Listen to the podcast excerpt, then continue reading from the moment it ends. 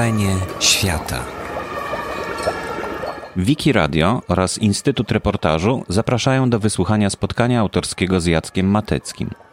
Podczas spotkania autor książki pod tytułem Co wy wiecie o Rosji opowiada o tym, jak Rosja pachnie, smakuje i wygląda. Prowadzącym jest Krzysztof Środa, współpraca wydawnictwo Trzecia Strona. Z których już ziemi, koniec, ani kroku dalej. Z różnych materiałów zrobione są te przepaści. Niektóre są solidne.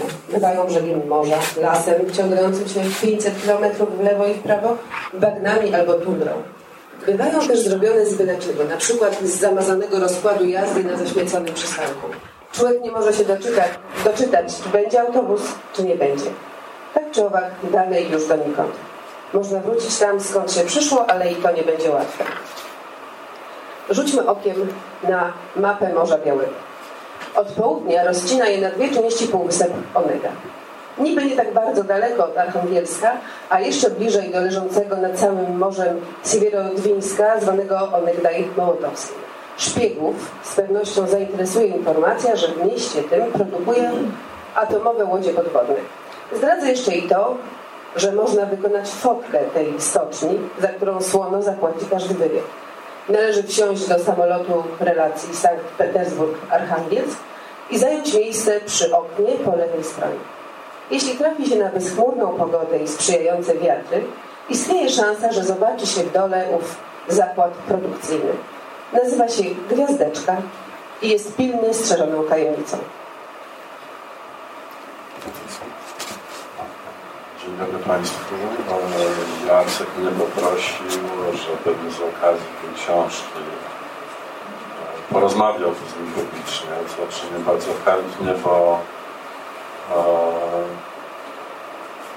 bo ja też e, do Rosji jeździłem, no, może, może powiem teraz coś więcej. I też coś o tym pisałem, nie tylko o Rosji.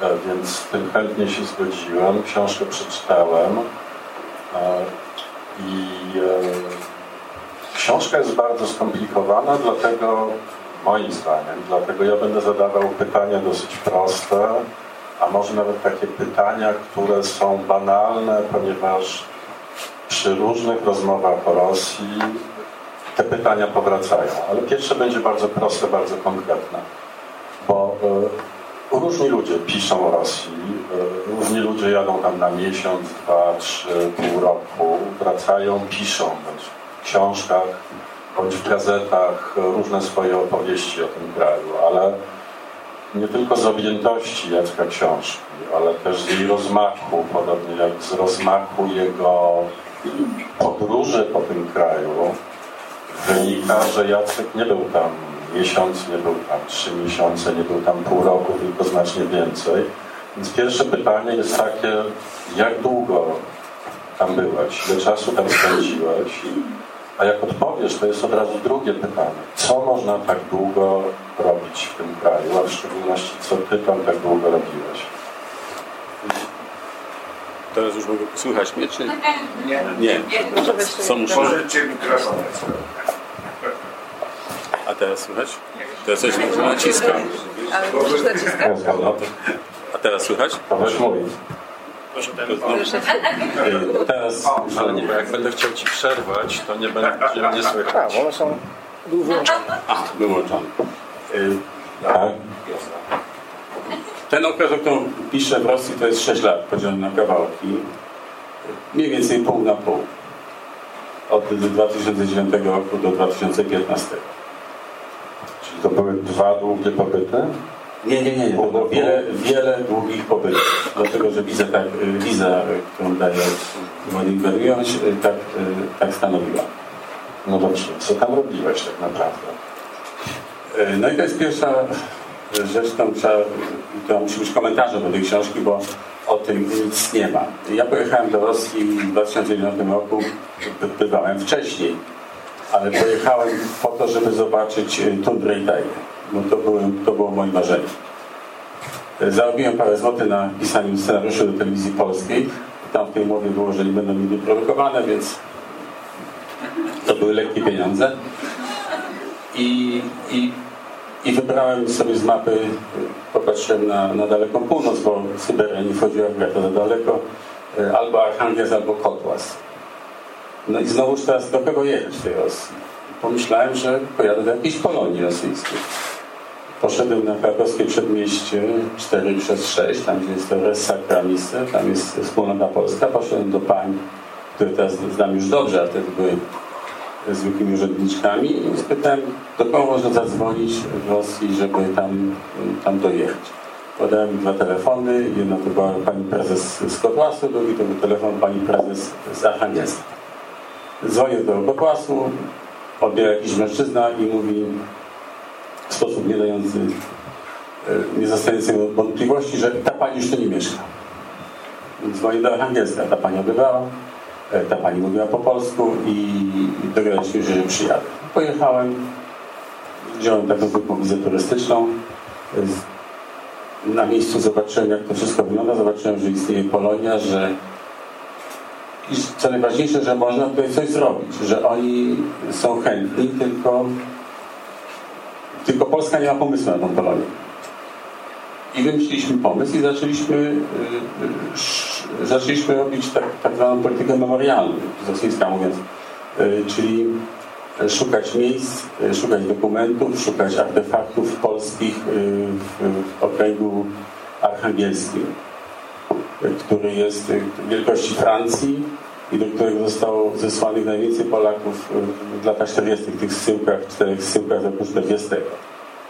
I okazało się, że są instytucje, są organizacje, które właściwie które chcą, żebyśmy to zrobili, bo, bo nie mają innych możliwości. I wtedy jako Polonia Archangelska zostałem członkiem Polonii Archangelskiej. Statut to przewiduje, że obca może zostać stworzyłem kilka programów i zrobili, postawiliśmy cztery pomniki, odkryliśmy masę cmentarzy w Tajze, zrobiliśmy e, wiele innych, innych programów i stąd mój pobyt w pracy. Okej. Okay. Właściwie dlaczego o tym nic nie piszesz w książce?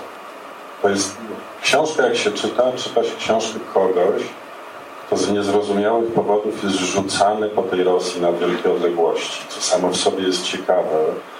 E, ja jako czytelnik wcale się nie domagam tego, ale dlaczego wprowadzimy sobie taką regułę, że jakby ten główny powód twojego, powodu, twojego pobytu, twoja praca, że tak powiem, jest zupełnie poza tą książką, a jest wszystko to, co jest pomiędzy. Tak jak mówię, już samo to jest bardzo ciekawe, ale Teraz sobie o tym pomyślałem. Tam jest kilka napomknień, ale zacząłem to pisać w 2012 roku, kiedy była szansa na to, że jeszcze, że ten program będzie trwał.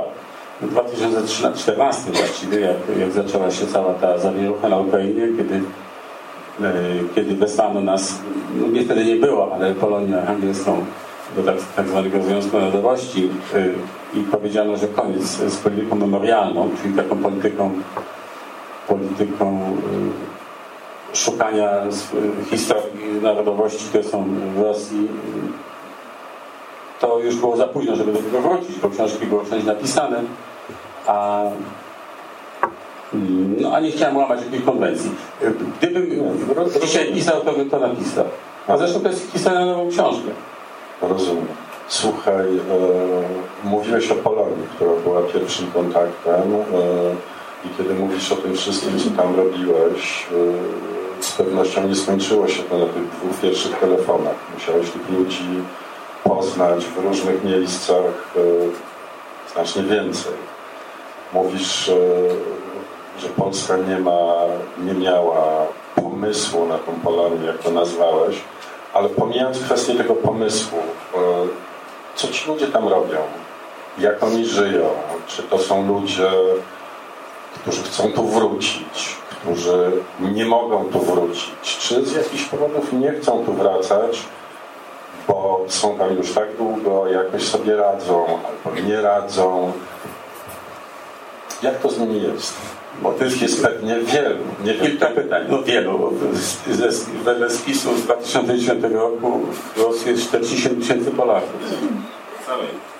46 coś. Tak, całej Rosji, tak.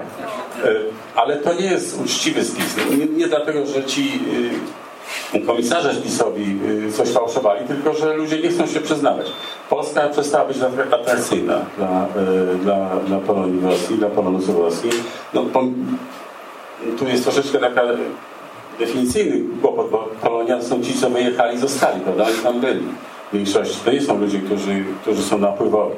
To są ludzie, którzy tam, nie wiem, od powstania styczniowego, listopadowego, a już z Syłkowi to, to w ogóle większość. I, i ludzie w archangielskiej Polonii jest 67 członków.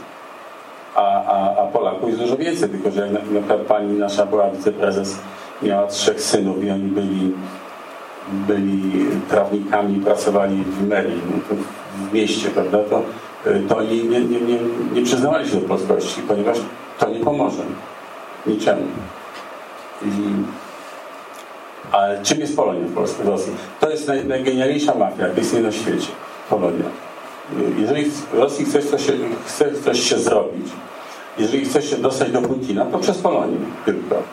Ja byłem w miejscach, naprawdę, ja byłem w bazie Gazpromu tajnej. Jak prowadzony przez zastępcę kierownika, bo kierownik siedzi w Moskwie, e, który, który jest, e, tam, tam rządzi. Weszliśmy tam, widzieliśmy dźwig i z tym dźwigiem wyjechaliśmy i tam stali ochroniarze ze specnazu. E, byłem w archiwum, które jest zastrzeżone nawet dla zastępcy dyrektora tego archiwum i tam robiłem, robiłem kopię. I to wszystko po, po, po, dzięki polskim, polskim korzeniom. To jest Polonia rosyjska. I jak na przykład chciałem lecieć na Kamczatkę, to, to, szukałem po Polonii. Nie ma Polonii na Kamczatce, no to po parafiach. Jest parafia polska, czyli jedziemy na Kamczatkę. I mam zaczepienie. Wszędzie Rosji, gdziekolwiek człowiek się nie znalazł, Ufa na przykład, to jest taka miejscowość, to są bloki postawione w tundrze, gdzie jest też taka przepompownia gazu Gazpromu, tam Łukoilu. Jest Polonia oczywiście jest i, i, i mnie pani wprowadziła do tajnego archiwum Gazpromu. Ale nie to może nie, nie mów takich rzeczy, bo to nie, dlaczego? nie, nie wiemy, kto słucha, wiesz. Yy, ale nie, nie, widziałem tego, dlatego że ona nie miała kodów. Ona nie miała kodów, natomiast dzięki polskim, dzięki polskim korzeniom mieliśmy wszystko. I ma się wszystko. To się kończy, bo ta Polonia wymiera. I tak jak mówię, najgorsze w tym wszystkim jest, że Polska przestaje być atrakcyjna dla, dla Rosjan a Rosjanie, polonuści rosyjscy są bardziej rosyjscy niż polscy. Rosja jest atrakcyjniejsza mentalnie dla, no, dla duszy niż Polska. Dobra, to do tego jeszcze wrócę, bo to ciekawe, co powiedziałeś. To Rosja jest bardziej atrakcyjna dla duszy niż Polska. Okej, okay, to może jeśli nie zapomnę, to do tego wrócę, ale tak, e, żeby zachować jakiś porządek e, tych spraw pierwszych, no to pierwszy jest tytuł. Ty już trochę się z niego usprawiedliwiłeś, bo faktycznie jeśli byłeś tam tak długo, jak byłeś, to masz prawo do takiego tytułu, który, sam o tym wiesz świetnie, sugeruje, że jest mnóstwo ludzi, którym się wydaje, że cokolwiek wiedzą o Rosji, a ty mówisz, tylko wam się zdaje. I od razu sugerujesz, że ty wiesz znacznie więcej od nich. No, nie, sama długość tego pobytu jakby usprawiedliwia Książka taką nie znaczy, że nie wiem. No właśnie, ale w środku książki jest mnóstwo fragmentów, w których przyznajesz się do takiej poznawczej bezradności, jeśli chodzi o pewne zjawiska, o pewne fakty, o pewne wydarzenia. No, czyli jesteś ekspertem, ale jesteś takim ekspertem, który przyznaje się do tego, tego nie wiem, tego nie rozumiem. Nie pytajcie mnie, co będzie, bo nie wiem, co będzie. I, e, no i takie dwa pytania. Czy Rosję w ogóle można zrozumieć? Ja wiem, że ono jest głupie, ale wydaje mi się, że jak zaczniesz na nie odpowiadać, to będzie ciekawie. I, więc czy Rosję w ogóle można zrozumieć? Bo to jest właśnie jeden z tych mitów Rosji, który trwa nie tylko w Polsce funkcjonuje, funkcjonuje w całej Europie że Rosja jest taką wielką zagadką. Czy rzeczywiście nią jest? I teraz pytanie do Ciebie jako do tego, jak sugerujesz jednak człowieka, który o Rosji wie więcej niż inni, żebyś opowiedział taką jedną rzecz, nie wiem, zdarzenie, jedno zjawisko, coś, czego w Rosji do tej pory nie rozumiesz najbardziej? Czy Rosja jest do pojęcia i czego ty w Rosji nie pojmujesz mimo tego, że znasz ją lepiej niż inni, którzy o niej piszą? No, tego nie uwzględniliśmy. Ale dobra, siedzę, y, y, siedzę w Szękursku. To jest takie... To był 2009 rok. Y, y, to jest wieś oddalona od sąsiedniej wsi 40 km. I, I, jesteśmy w takim baraku, gdzie siedzą telesorowy, to są ci... No, to tną, tną, tną tajgę. I akurat dwóch przyjechało, nie wiem czemu tych dwóch wytypowano z Norwegii, bo oni byli szkoleni na, żeby obsługiwać te piły. Bo nie wiem, czy Państwo wiecie, że dzisiejszy taki kombajn, który tnie tajgę, to zastępuje stud wykwalifikowanych drwali, to harvester. On jedzie jak, tnie jak zboże. To, tą, tą całą tajgę. Tnie, koruje i, i Dlatego na przykład Rosja nie zaatakuje Polski, bo niepotrzebni jej są robotnicy leśni. Załatwiają tam amerykańskie harwestery. Zdecydowanie. I oni pojechali do tej Norwegii tam na przeszkolenie, akurat wrócili, ja tam trafiłem, siedzimy w tym, w tym, w tym baraku jest pytanie do nich, ci, koledzy pytają, jaka jest różnica między Norwegią a Rosją? 2009 rok. A w tym czasie Rosja zrobiła duży skok. Duży skok yy, taki cywilizacyjny. No, myślę, myślę, że mówi tak. Jest jedna podstawowa różnica. U nich jest taki, u nich jest porządek, u nas taki bardak. Ale gdzie byście woleli? No u nas I to jest taka odpowiedź. To jest to, czego nie rozumiesz? Nie Czy to jest tak. coś, co zaczynasz rozumieć? Nie. Nie rozumiem, bo ten, ten, ten bardak jest męczący czasami, ale A. to jest odpowiedź. Okej, okay. znaczy tak, sprzeczności rosyjskiej duszy. Dobrze. E, słuchaj, no e, wiesz jak jest. Wiesz jak jest w Polsce. I to nie tylko przez ostatnie półtora roku, ale znacznie dłużej. No w Polsce jest tak, że nawet abstrahując od różnych tak, postaw i zaangażowań politycznych, Rosja jest czymś, czego ludzie tutaj się boją na różne sposoby i różny ten lęk, strach, obawy wyrażają na poziomach politycznych, nie tylko politycznych. Byłeś tam tak długo ta kwestia strachu, ona ma takie dwa wymiary, prawda? Jak trafiasz takim bądź innym transportem historii o zadziwiających przejazdach jest u Ciebie dużo. Trafiasz do jakiegoś miasteczka, osady, tam może żyć 100 tysięcy osób, 1500, a bywało, że 20, tak? Przyjeżdżasz. Czy zdarzało Ci się, że się boisz tych ludzi? Nie, nigdy, nigdy się nie zdarzyło. Nigdy nie spotkało mnie nawet najmniejszy cień zagrożenia. Nigdy. A nawet po obejrzeniu takiego reportażu, że są y, w Rosji jest masa tych bezpryzornych dzieci, prawda, że to, to jest jakiś problem. Ja, ja na tych rosyjskich dworcach spędziłem, na pewno, ale jak policzyłem, to, to ponad miesiąc w roku 2000, 2012-2013 spędziłem w rosyjskich kolejach.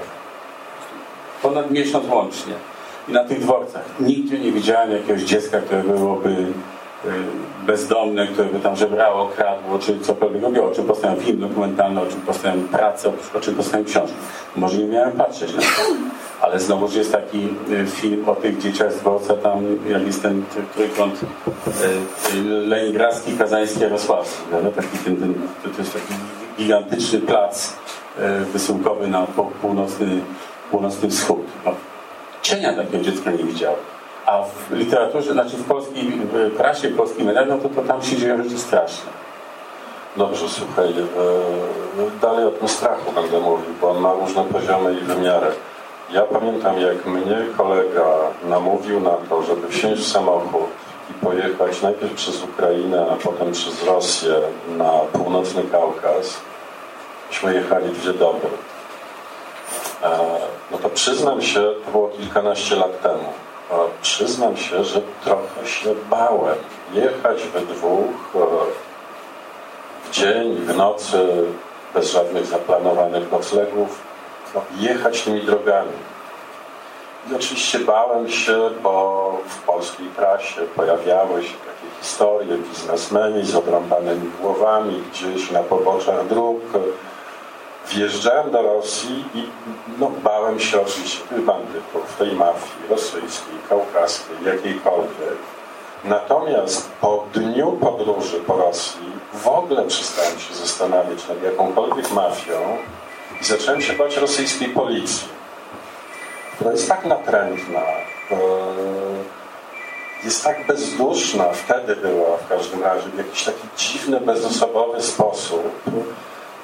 Ta policja była dla mnie w czasie tej podróży, kiedy oni nas zatrzymywali co 100 kilometrów. Jak się jedzie po Rosji 1500, no to to jest co najmniej 10 spotkań z tymi ludźmi. Nikt z nich faktycznie nic nam nie zrobił poza wzięciem dwóch, trzech, pięciu, kilku dolarów nie, ale ja, ja zapomniałem o mafii, ale ci policjanci, którzy byli dla mnie wtedy jakąś manifestacją tego państwa, ja zacząłem się ich bać. E, to się zmieniło. To, jak, to się zmieniło. Zmieniło się. 1 lipca, 7 lipca też 12 roku 2011 niewiele wprowadził reformę taką policyjną, że teraz jest policja, nie milicja. E, to się zmieniło i to nigdy nigdzie nie spotkał mnie przez te wszystkie lata, przez te 6 lat Rosji, tylko raz ktokolwiek na mnie powiedział, że jestem Polakiem i to jest nie w porządku. Rozumiem. Co, ja, ja wiem, że się zmieniło, bo ja dwa miesiące temu jechałem przez Rosję 9 dni. E, jechaliśmy przepisowo. Ja byłem zdumiony, bo przez te 9 dni policja nas nie zatrzymała ani razu. Więc widać było, że ten system się zmienił. Jeśli chodzi o policję, nawet się dowiadywałem, jak to było możliwe. Faktycznie była reforma, były zwolnienia, są nowe zasady. Ale teraz jeszcze raz o tym strachu, o którym zacząłem mówić, bo my tutaj, jak czytamy gazety, my się nie boimy jakichś rosyjskich gangsterów, prawda? E, e, my się boimy Rosji jako państwa. I teraz dobrze, wróciłeś... No, ale to jest strach no, dmuchany. No co może zrobić państwo rosyjskie? No to no, wejdzie tutaj no, co? No. Ześle nas na, na Syberię. Już nie. tak jak powiedziałem, nie będziemy robić drew, bo są harwestery.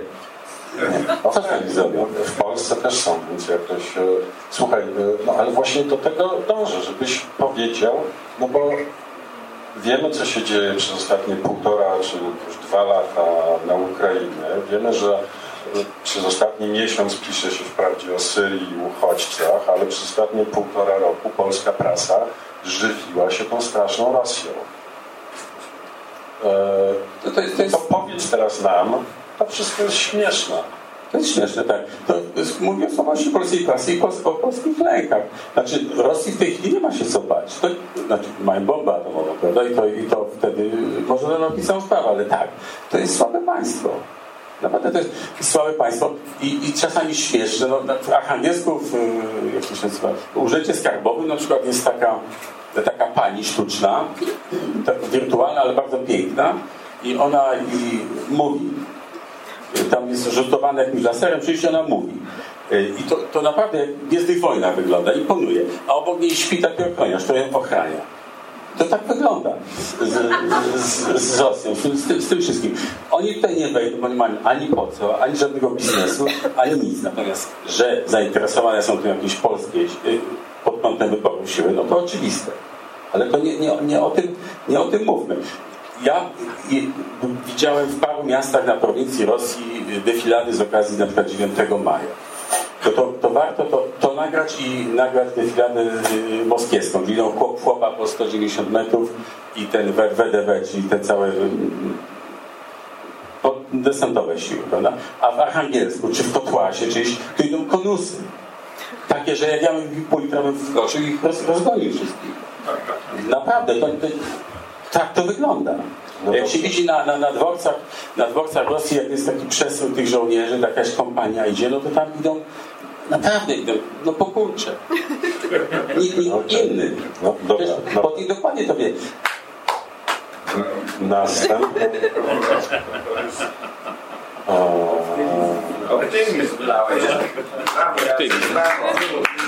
Nie, nie, nie. nie, nie, nie. Ja, ja, jeszcze zachęcam do rzutu oka na naszą armię. Tak.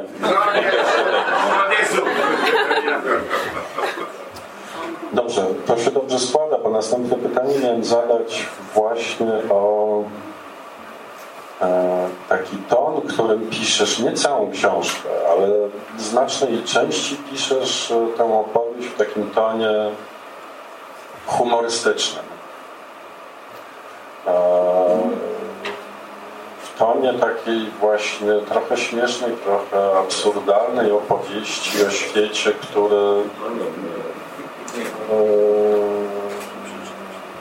który się trochę nie mieści w głowie i ja próbowałem w tych momentach tak się zorientować, czy i zrozumieć, wyczuć, czy ty piszesz o tym świecie, który oczywiście ma różne humory. Czy to twoje poczucie humoru, na czym ono polega? Czy ono jest... Znaczy może to nie jest przyjemne pytanie. Czy w tym twoim poczuciu humoru jest jakieś lekceważenie i własne poczucie wyższości wobec tej rzeczywistości? Czy czasem przybierasz ten ton takiej opowieści surrealistycznej, humorystycznej, bo w gruncie rzeczy mówisz o świecie, który jest okropny. Przepraszam, czy mogę się wtrącić, bo właśnie ten fragment następny, który mam do czytania, trochę y, ilustruje to, o czym mówicie, więc może przeczytam. I wtedy, bo to jest właśnie moim zdaniem idealny przykład.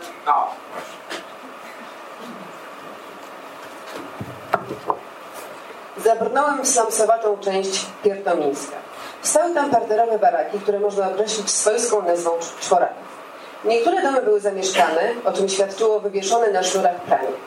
Ledwie wszedłem w uliczkę między dwoma barakami, pojawił się żywy mieszkaniec tego Chinatown. Jaką on miał straszną mordę. Zwabiona jego okrzykami na świat Boży wychyliła się kobieta, która nic a nic od niego nie była piękniejsza. Braki w urodzie rekompensowali jednak szerokimi uśmiechami i zaproszeniem do domu. Szedłem i już od progu wiedziałem, że nic gorszego w Rosji nie zobaczę. Oto stąpam po dnie ludzkiej egzystencji i od dziś będę mógł obyć się bez literatury opisującej nędzę i upadek, bo niczego się już z niej nie dowiem. Bardzo mnie to ucieszyło i usiadłem na wskazanym mi taborecie przy stole. Starałem się niczego nie dotykać z obawy, że się później nie odkleję. Rozpoczęło się od standardowej serii pytań. Kto, skąd, po co, dlaczego i na chuj właśnie tutaj. Przy stole trzymał jeszcze jeden obywatel, którego wnet obudziła nasza głośna rozmowa. Wszystko to zmierzało do postawienia zasadniczego pytania, które nie powinno paść od razu. Byli to mimo wszystko ludzie kulturalni i trzeba było troszkę pokluczyć. Ja też im zadałem parę pytań. Na przykład, co robią? Najpierw zgodnym chórem odpowiedzieli nic. Ale potem zastanowili się głębiej i pani domu odpowiedziała, żyjemy. Ludzie w ogóle mają jakąś taką tendencję do bagatelizowania swojego bytu i nadawania mu mniejszej rangi niż ma w istocie. W czasach szkolnych wałkowaliśmy bez końca problem, co jest ważniejsze, mieć czy być. Idealizm młodości skłania się bardziej ku być. Tu w czworakach nie było jednak miejsca na idealizm. Tu liczy się przede wszystkim mieć. Padło pytanie, które paść musiało. Masz jakieś pieniądze? Mam. Zaproponowałem koniak, czym wzbudziłem konsternację przechodzącą w niezadowolenie. Mieli lepszy pomysł. Koniak to 200 rubli wyrzucone w błoto. Ten, który się obudził, zadeklarował, że za 60 przyniesie coś lepszego. Dostał równowartość 6 zł polskich i uwinął się w dwie minuty. Przyniósł ćwiartkę szyła, po polsku szydło, czyli spirytusu technicznego. Dopełnił wodą, zamieszał, rozlał. Zdrowie. Wstałem i powiedziałem, że przejdę się jednak do sklepu, szyła nie piłem i może mi zaszkodzić. Spotkałem się z pełnym zrozumieniem. Ćwiartka na trzech, lepiej siedzieli niż na czterech. No i tak się zaczęła libacja w czworakach w Piertomińsku. Wieść rozniosła się po okolicy i z różnych zakamarków zaczęli ściągać moi nowi przyjaciele. Tak przynajmniej się przedstawiali. Każdy mnie lubił, klepał po plecach, prosił o 60 rubli. Pojawiły się kobiety. Jedna z dam przyniosła ze sobą półtora roczne dziecko.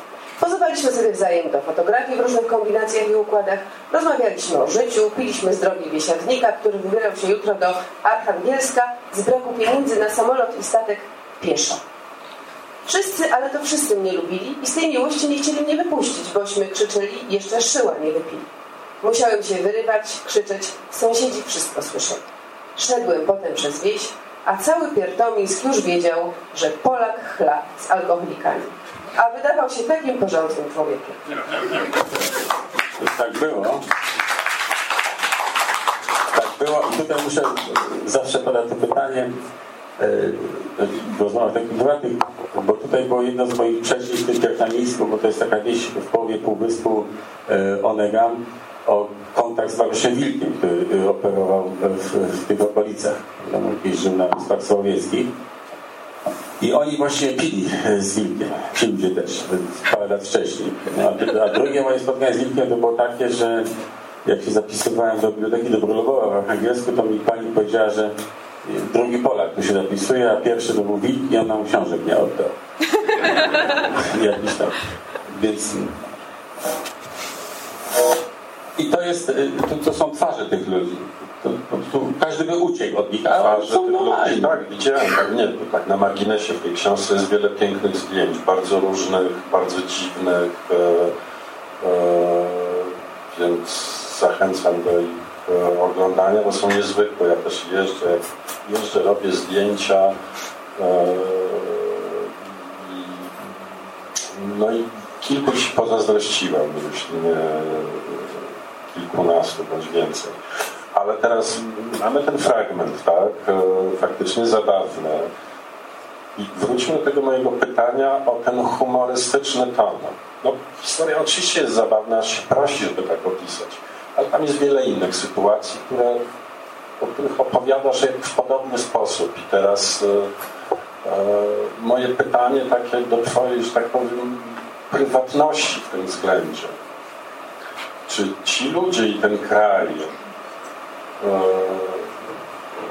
pod pewnymi względami zabawni, tak? E, e, znaczy, czy, czy przyjmujesz ten ton, żeby nie pisać o tym, jak straszne jest ich życie, o tak powiem. Bo ono jest straszne, tak jak pośmieliśmy się, ale ale opisałeś kilku ludzi, którzy żyją no, w sposób smutny. I może to jest moment, żeby wrócić do tej twojej kwestii, którą sobie zapamiętałem. Czy ta Rosja, o której piszesz w ten sposób, jest rzeczywiście lepszą, jak to powiedziałeś, pożywką dla duszy niż banalna, wykrochmalona, estetyczna higieniczna Europa. Ja tutaj tą, zasygnalizowałem tą tezę i ja tutaj stawiam, gdyby cholera, no zmieniło się, to te, te, te media, to wszystko to ta dostępność, ale gdyby wziąć do 2010 i wziąć 100 Polaków, wsadzić ich do wagonów takich nieocieplanych i wywieźć na Sybir i wziąć y, z jakiejś podmoskiewskiej, z Rezańskiej na przykład oblasti 100 Rosjan i przywieźć do Polski i kazać im żyć. Nie to, że tam mają jeść korzonki, tylko coś im tam zapewnić i mają sobie żyć, to, e, to Polaków wróciłoby z tej wyprawy 92, a Rosjan 100. Znaczy w sensie, że 8 Polaków by zostało.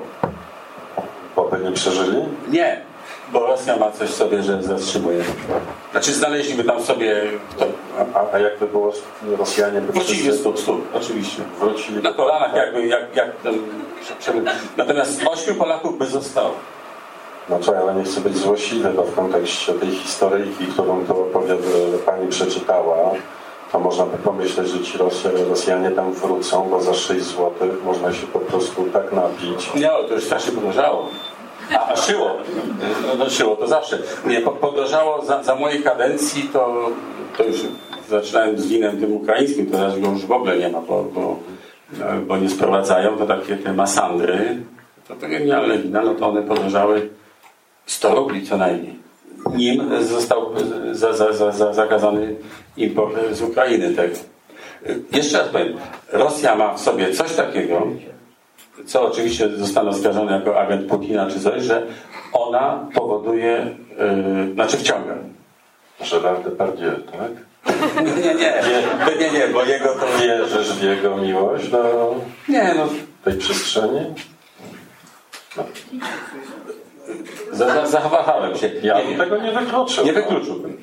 Nie wykluczyłbym. No to, to jest alkoholik, który po prostu le, lepiej tam się spełnia niż we Francji i jeszcze ma więcej pieniędzy. No bo to, to jest to nie ukrywajmy, prawda? Spełnia wszystkie warunki. Dobrze, dobrze. Ja już nie ale ogóle ja, ja jeszcze tak a propos właśnie tego pytania, ponieważ, ponieważ y, ta scenka rodzajowa, która jest oczywiście humorystyczna i tak dalej, ale nie mamy pewności, że tym ludziom nie jest dobrze, prawda? To jest nasza perspektywa. Pana, jak pan pyta, że to życie jest smutne i żałosne. Oczywiście obiektywnie stosując jakieś tam kryteria, tak, ale to tak samo jak z takimi ludźmi, którzy żyją na ulicy w Indiach. Jak, jak ja tam kiedyś byłam, to widziałam jednak takich zadowolonych ludzi, żyli w potwornej nędzy i to w ogóle... Nie, ja, ja też mi się zdarzyło być w Indochinach. Widziałem wielu bardzo biednych, bardzo pogodnych ludzi. Podobnie jak w Maroku, e, gdzie jeździłem częściej. E, I to jestem w stanie zrozumieć. Tak, oni mieszkają, śpią na ulicy. Że mają lepszy klimat.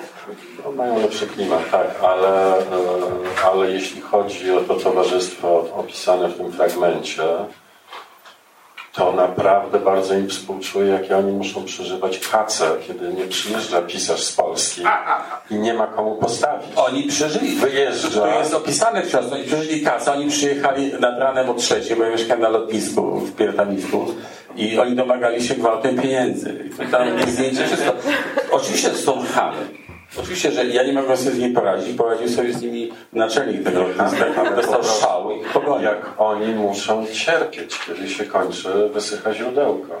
No tak, ale mają o czym marzyć i mają do czego dążyć. No ja właściwie... Co? No więc właśnie chciałem powiedzieć, że ja nie mam więcej pytań. E, Pewnie Państwo będziecie mieli, bo tu się pojawiło tyle różnych wątków, e, że można Jacka podpytywać, atakować, dokuczać mu od różnych stron, albo mu mówić jakieś miłe rzeczy, więc ja kończę i proszę o dalszy ciąg rozmowy. Czy mikrofon będzie ktoś podawał? Gdyby były jakieś głosy? Jest, tak? Także proszę się do Pana zgłaszać po mikrofon. I pytać, bo jest o co. Ja bez mikrofonu. Co to jest na tej okładce? Tyranoza.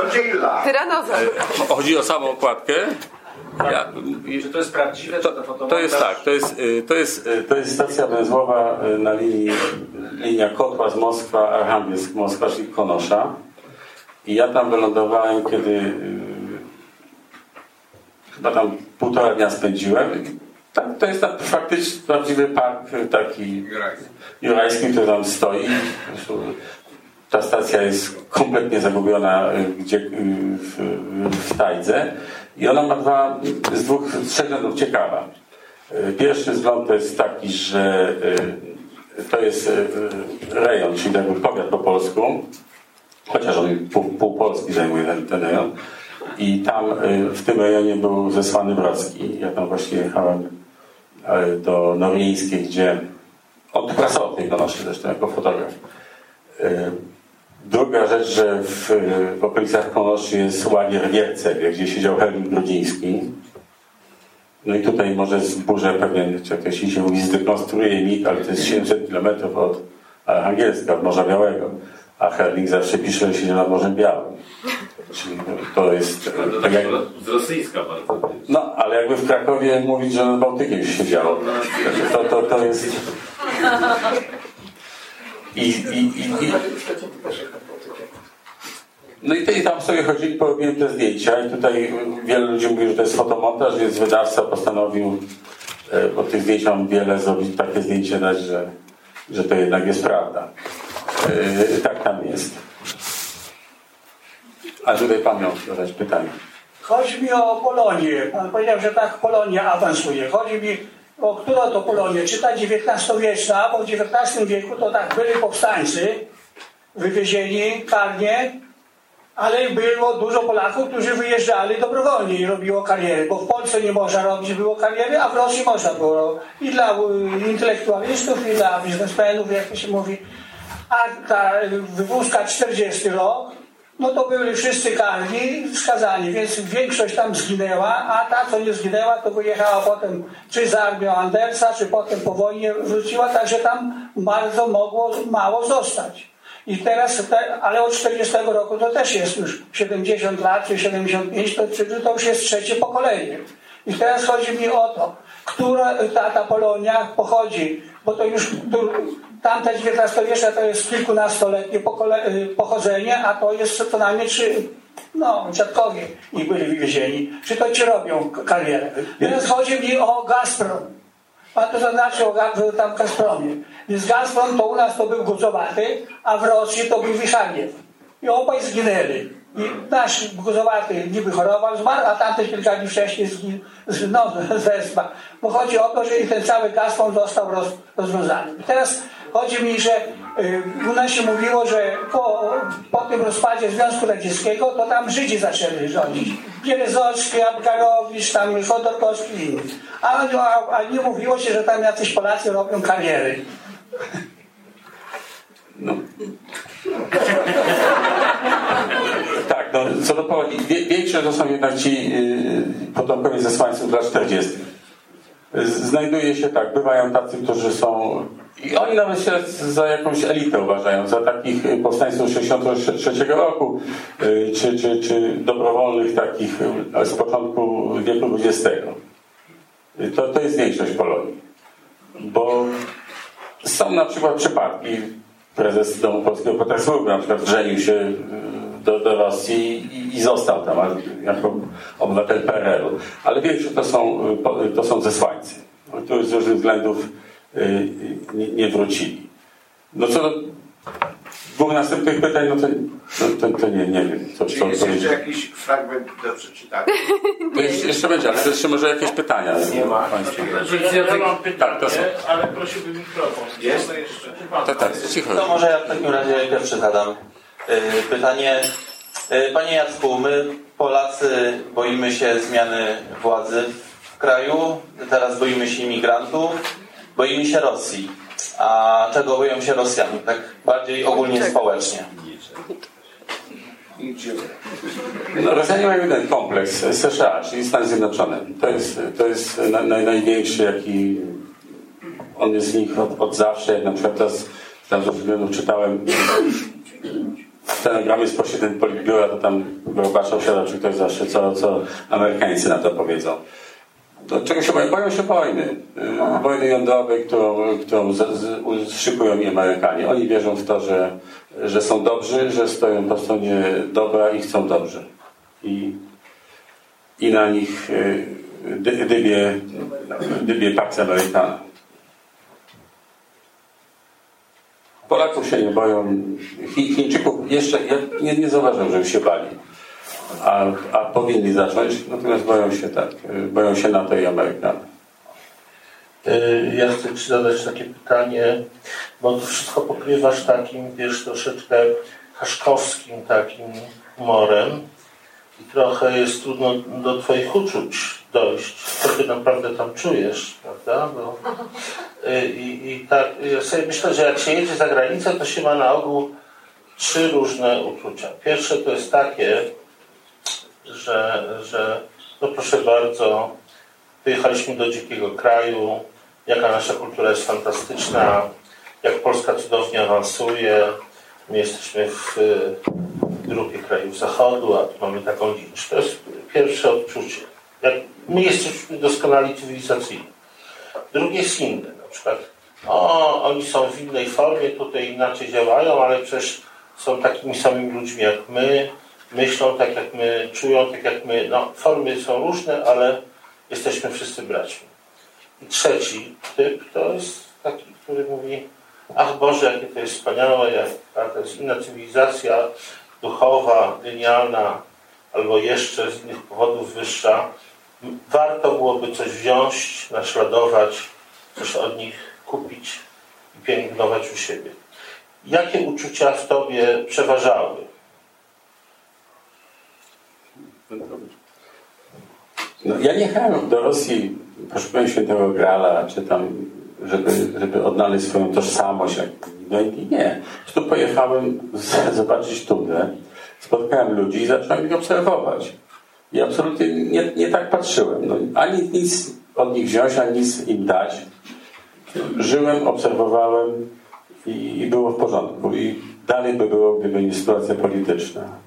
Ale coś byś z ich tej inności wziął? Tutaj czegoś ci brakuje w Polsce? Takiego, co oni mają? Nie, nie, to są rzeczy nieprzekładalne. Nie, nie, to, to, to jest... Ta, ta pożywka dla duszy lepsza od europejskiej, o której mówiłeś i o którą ja nie dopytałem, ale to jest bardzo ciekawe. Przestrzeń. Przestrzeń. Jest taka, jest taka relacja ambasador Davisa, no, uważam go za idiotę, ale on był ambasadorem w czasie na, II światowej i chyba trochę potem, prawda, który tam masę, masę zepsuł tej polityki amerykańskiej między innymi te, ale on taką relację jest jego, że siedział kiedyś na brzegu obu był jakiejś podróży i obok niego siedzili te muzyki rosyjskie i on widział w ich oczach to, co widział u chłopów, nie wiem, na Mississippi 30. Po prostu przestrzeń w oczach. I, i ta, a ta przestrzeń jest tęsknotą, jest, jest zrozumieniem, jest innym światem. I to jest, to jest metafizyka Rosji. Nic innego. No i o tym pisze Rosji. To jest, to jest ściema, że Rosji umem nie, nie pamiętasz, to, to, to nie.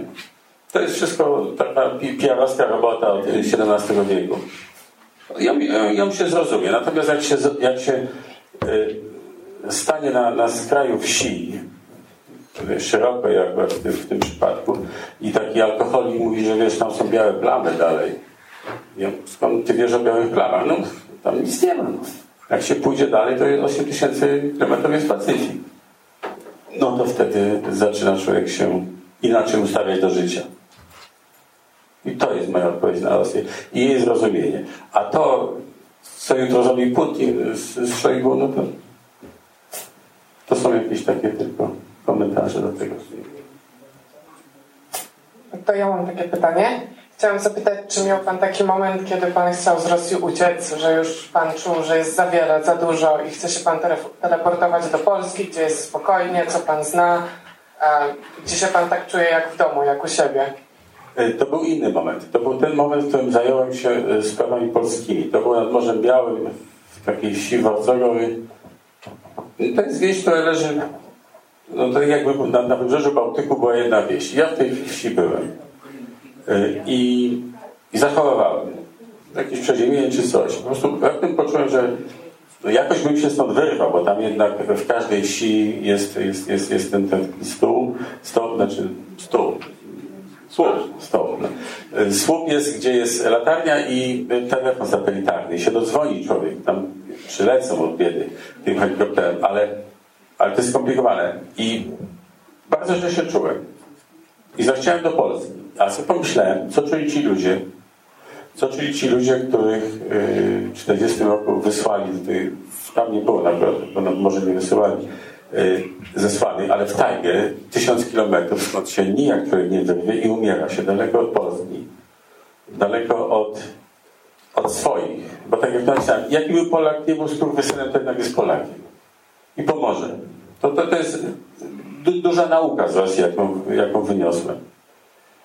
I, I pomyślałem, że warto coś, coś zrobić. I że warto do tej Polski się doczołgać i pójść do Senatu, czy pójść do Rady Ochrony Pamięci Walki Męczeństwa i, i zaproponować jakiś, jakiś projekt. Ale tak, żeby że tam jest gorzej, to, to, to nie. Ale to ciekawe, ty powiedziałeś, ponieważ y, zawsze ludzie, jak jeżdżą za granicę, to narzekają, że Polacy nie trzymają się razem, tak? Że w Stanach Włosi się trzymają ze sobą, pomagają, a Polacy nie. Natomiast tutaj mówisz, że polska mafia bardzo skuteczna i że Polak jednak, co by się nie działo, pomoże. Super. Polenina tak. Można mikrofon? Ja chciałem też zadać py pytanie. No ja miałem to szczęście, że dzięki wieloletniej znajomości z mamą autora miałem okazję przeczytać tę książkę, prawda? Natomiast i muszę dwie pochwały. To jest książka, którą się da weekend przeczytać, także po pierwsze. Natomiast jeśli chodzi o zdjęcia, to pan Krzysztof Sioda zwrócił uwagę. Zachęcam wszystkich do rzucenia okiem na zdjęcie, które ma konotację do tego znanego zdjęcia ze Stalkera, prawda? To jest naprawdę zdjęcie wyjątkowe. Natomiast wchodząc w tą taką narrację, nie wiem, czy to wydawca wymyślił ten tytuł, czy ty, na ten temat żeśmy już rozmawiali, ale brakuje mi w tej książce seksu. Jak, e, prawda? Brakuje mi pięknych dziewczyn, brakuje mi tej miłości, z której Rosja jest też znana. Przede wszystkim e, chyba nawiązałeś e, też przed chwilą do tytułu książki pani Ewy Kurek, która została wydana kilka miesięcy temu, która o tej rozwiązłości też od kilkuset lat pisze, także może parę słów o tym. Dziękuję. Jestem zawstydzony, zaszokowany, nie wiem co powiedzieć, więc zamilczę. Jacek, powiedz mi, skąd u Ciebie tyle od, odwagi? Bo w tych wyprawach, że Ty idziesz z plecakiem, nie chcesz samochodu, idziesz gdzieś tam 20 km w tajgę, nie wiesz co, nie masz mapy, masz mapę niedokładną. Czy to Bóg Cię prowadzi, w sensie, czy Ty się, bo się tam niczego nie boisz? Czy masz y, poczucie opatrzności? Nie, bałem się wielokrotnie. Bałem się Ale to z, wielokrotnie. tego, z tej książki nie wynika. No, czasami. Ale tak idziesz, Bywałem w miejscach, nocowałem, nocowałem sam w Tajdze, do, dookoła No tak. koło kilkudziesięciu kilometrów nikogo nie było. No to literalnie nikogo, nie tam, że... bo w tej książce jest, I, i bałem się. jest mało. No ale strachem się nie podzieli. No, co, co, albo, albo jeżeli to tak... No ale, ale skąd brałeś odwagę? Bo, bo jednak strach się, Nie wiem, nie wiem. nie wiesz, tak? Po prostu No, wszedł. Szło się, no. Szło Tak, się. szło się. Dobra, dobrze.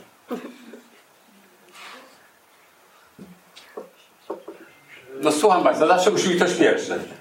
To już był, prawda? Jeszcze się zapytać o taką rzecz, że często opisujesz takie sytuacje, że gdzieś przychodzisz, zaraz cię witają fantastycznie, albo może z pewnymi oporami, ale jednak jednym słowem ci ludzie są jakoś bardzo otwarci. Jak sobie tak człowiek do sztansy jakiś do rysunku Polaka to porówna, to my się otwieramy dużo później, jesteśmy bardziej nieufni, y, przyjmujemy gości z większymi oporami, tym bardziej, że w końcu to jest z kraju natowskiego, tam z tej Rosji, prawda? Czyli jakby od, od wrogów przybyłeś, od szpionów i podobnych, tak? Jak to jest? Czy, to, czy ty po prostu y, skracasz tę opowieść o przełamywaniu nieufności? Czy ci ludzie rzeczywiście są tacy otwarci i się niczego nie boją? Bo wychodzi na to, że oni mają jakąś taką absolutnie cudowną jakąś otwartość, taką jakbyśmy przyjechali na Haiti i zaraz dostaniemy wieńce jakieś tutaj, czy na Tahiti, przepraszam, wieńce z kwiatów, tak? No na Tahiti to te wieńce to są już może nie otwarte. Tam po prostu jak się y, gdzieś chodzi na północy, bo głównie na tej północy żyłem, no to jeżeli jest dwóch ludzi we wsi, no to, to się go przyjmuje. Ja, ja mieszkałem we wsi, gdzie nas było dwóch, trzech czasami. No i po prostu moje przyjście do sąsiada raz na tydzień, bo on palił tą banię, no to było wydarzenie. No, jak przyjechałem do tego kotłasu, nie kotłasu, do y, Łambasu na przykład, prawda, no to był to jest wieś co kompletnie zagubiona. No to oni mieli bibę, ogórki, grzyby, no i zaczęliśmy biesiadować. Ale rozmowa nie tyczyła, właśnie to jest najciekawsze, no naprawdę nie tyczy tego, co ja czuję. Oni o swoich problemach mówili. Czyli to wynika po prostu z potrzeby spotkania drugiego człowieka. Tak, tak. Tam jest trudniej, po prostu jest mniej. Tam jest trudniej i trudniej za gościa, więc się go, go, go. Czy byłeś tak ubrany jak dzisiaj, czy tak? Nie, nie, nie. Im dłużej, tym, tym, bardziej, tym bardziej się przebierałem w takie rosyjskie ciuchy, czyli zaczynałem od, od jakichś takich zachodnich, a potem już tylko to, co w wojentorgu można kupić, czyli tym rosyjskim, takim armiszopie. No, wszystko rosyjskie, wtedy człowiek ginie w głowie. Dobrze. Tak, tak przeczytałem, ale tak prowokacyjnie spytałem.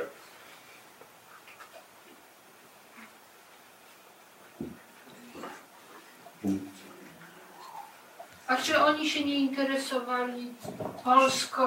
Skąd pani jest? No. Gdzie to jest? Czy coś wiedzieli o Polsce? O Polsce wiedzą wszystko. Polska jest, y, no jest dla nich y, i problemem, i miejscem w mózgu. Polska, Bułgaria nie, Czechy nie, ale Polska tak. No, wiedzą. Starsze pokolenie wie dużo o Polsce. Ale pytali się, co w Polsce w tej chwili jest, jak się żyje. Interesowali się Tak, tak, tak. Jak, jak, jak, jak się u was żyje, czy jest to ile, co ile kosztuje. To takie klasyczne pytanie. Natomiast kiedyś jechałem samochodem tam autostopem, to akurat były wybory w Polsce, to się pytał kierowca mnie, kto, kto wygra. Ale ludzie wiedzą o Polsce. Polska jest obecna w świadomości Rosjan. Starszego pokolenia, młodszego już nie. Młodsze to tylko jeszcze tych cztery tankisty i Zabaka. Tam. A tak to... Tak to już... To też, Hamslos też. Ale na przykład, co robi Polska?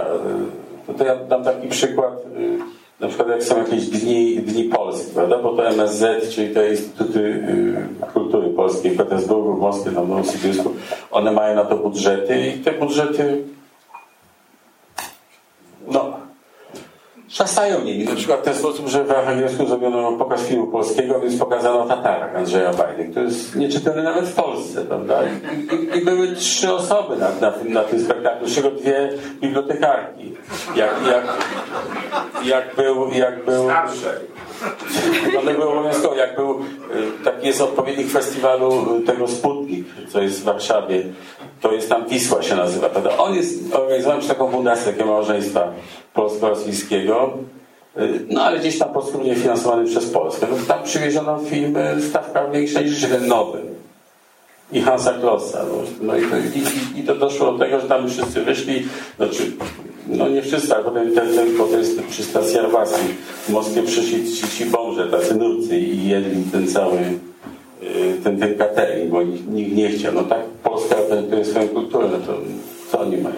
Wbrew Polsce się interesować Polską? Naprawdę nie jest, nie jest ciekawie. Polska y, oddała pole na wschodzie. Całkowicie. Mówię o Rosji. Całkowicie, jednoznacznie nie ma Polski. 40 tysięcy ludzi przyznaje się. Jak będą następny, następny spis, będzie tego 10 tysięcy ludzi. A jak inne państwa europejskie tam egzystują? Niemcy, Francja? Widać ich ślady? Nie, nie, nie, nie. nie. Na przykład, jeżeli mówiąc o, o, o archangelskim obwodzie, to za, za, za moich czasów my jako Polacy jedyni zajmowaliśmy się historią taką pracami historycznymi. Niemcy nie, chociaż Niemcom tam zrobili sprawę taką słynną, sprawę profesora Sufruna, to ona jest znana, że z, z, tam zamknięto parę, parę osób. Nie, to Polacy właściwie się zajmują, a inni też nie, no to nie ma ich.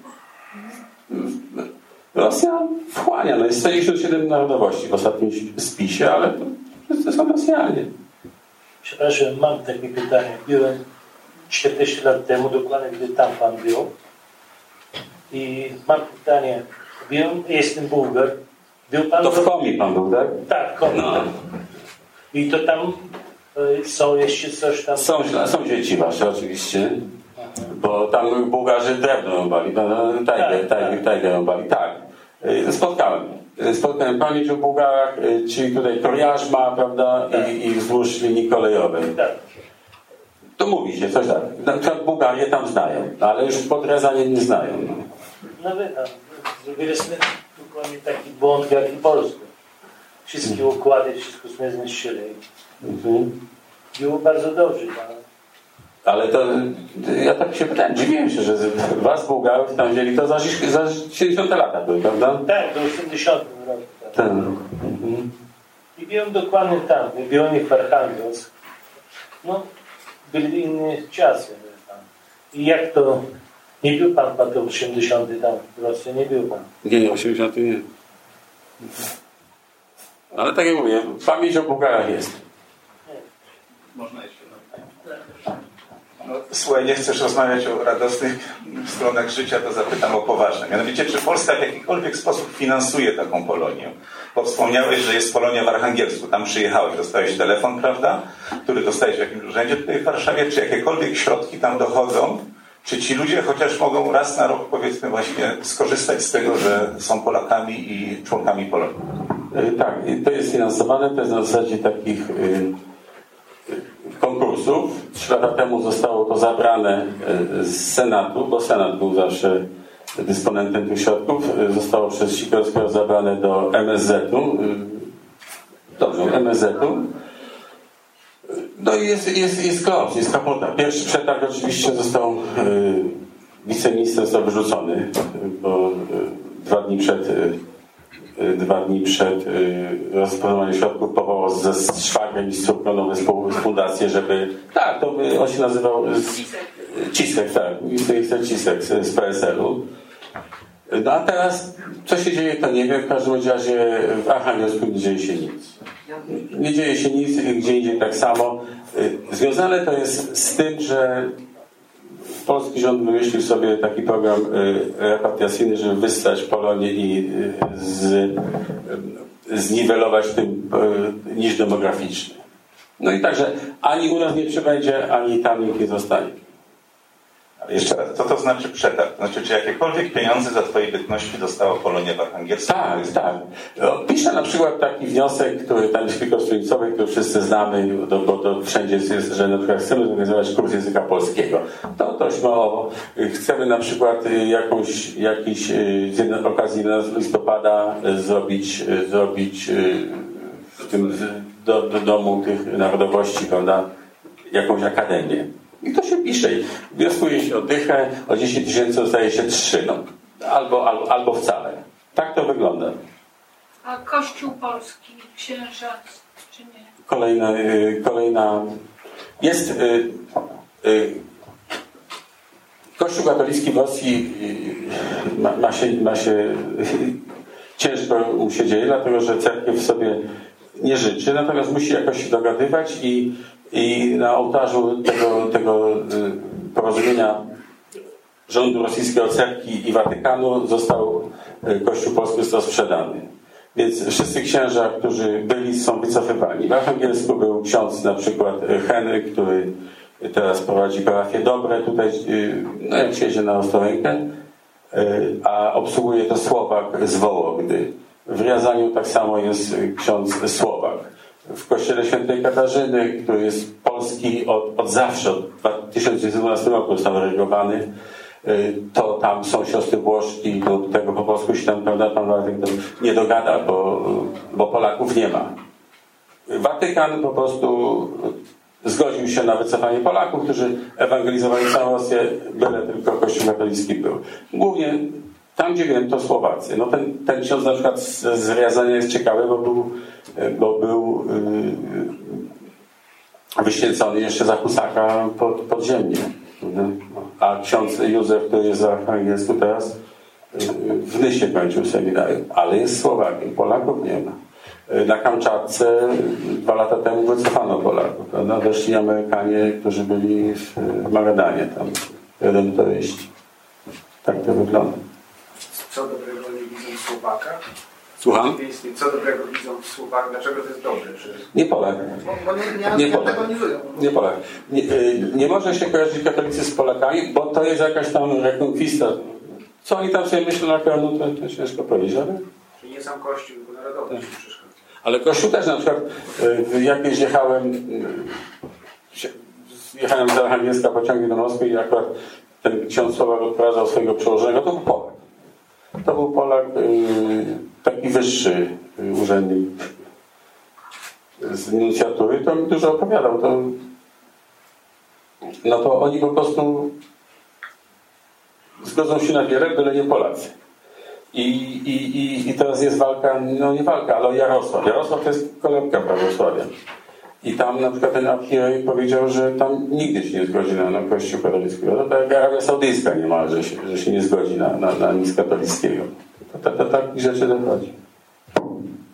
Ale z drugiej strony, przepraszam, tenże właśnie, tenże właśnie yy, ksiądz, którym jechałem yy, do Moskwy, to mówi, że do nich często przychodzą yy, popi po porady takie teologiczne, bo oni są jednak słabsi. Ksiądz Piotr, który tutaj yy, z którym w Ostaszkowie długo się spotkałem, to on y, robił doktorat w Kijowie.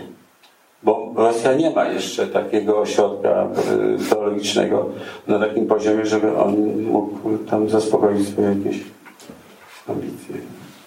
Ja to miałem takie pytanie w nawiązaniu o prawosławie, bo mam doświadczenie z PSM, bo jest dużo zdjęć cerkwi, jak zauważyłem. Tak. I e, jakby jak to prawosławie wygląda w takim kontakcie jakby na, na co dzień, czy właśnie takie uprzedzenie wobec Polaków czy, czy jakoś taką egzystencja? Do pewnego momentu. Uprzedzenie, uprzedzenia nie ma. Ja byłem, mieszkałem w, w trzech klasztorach i to długo. Mieszkałem na klauzurze, y, byłem w Skicie, czyli w takiej pustelni prawosławnej, gdzie, gdzie to w ogóle jest już. Ale kiedy poprosiłem o intencję księdza popa Braciszka, który był najbardziej życzliwy, powiedział, on nie może za katolika intencji przyjąć, nie może, nie, nie może się modlić. Więc tak.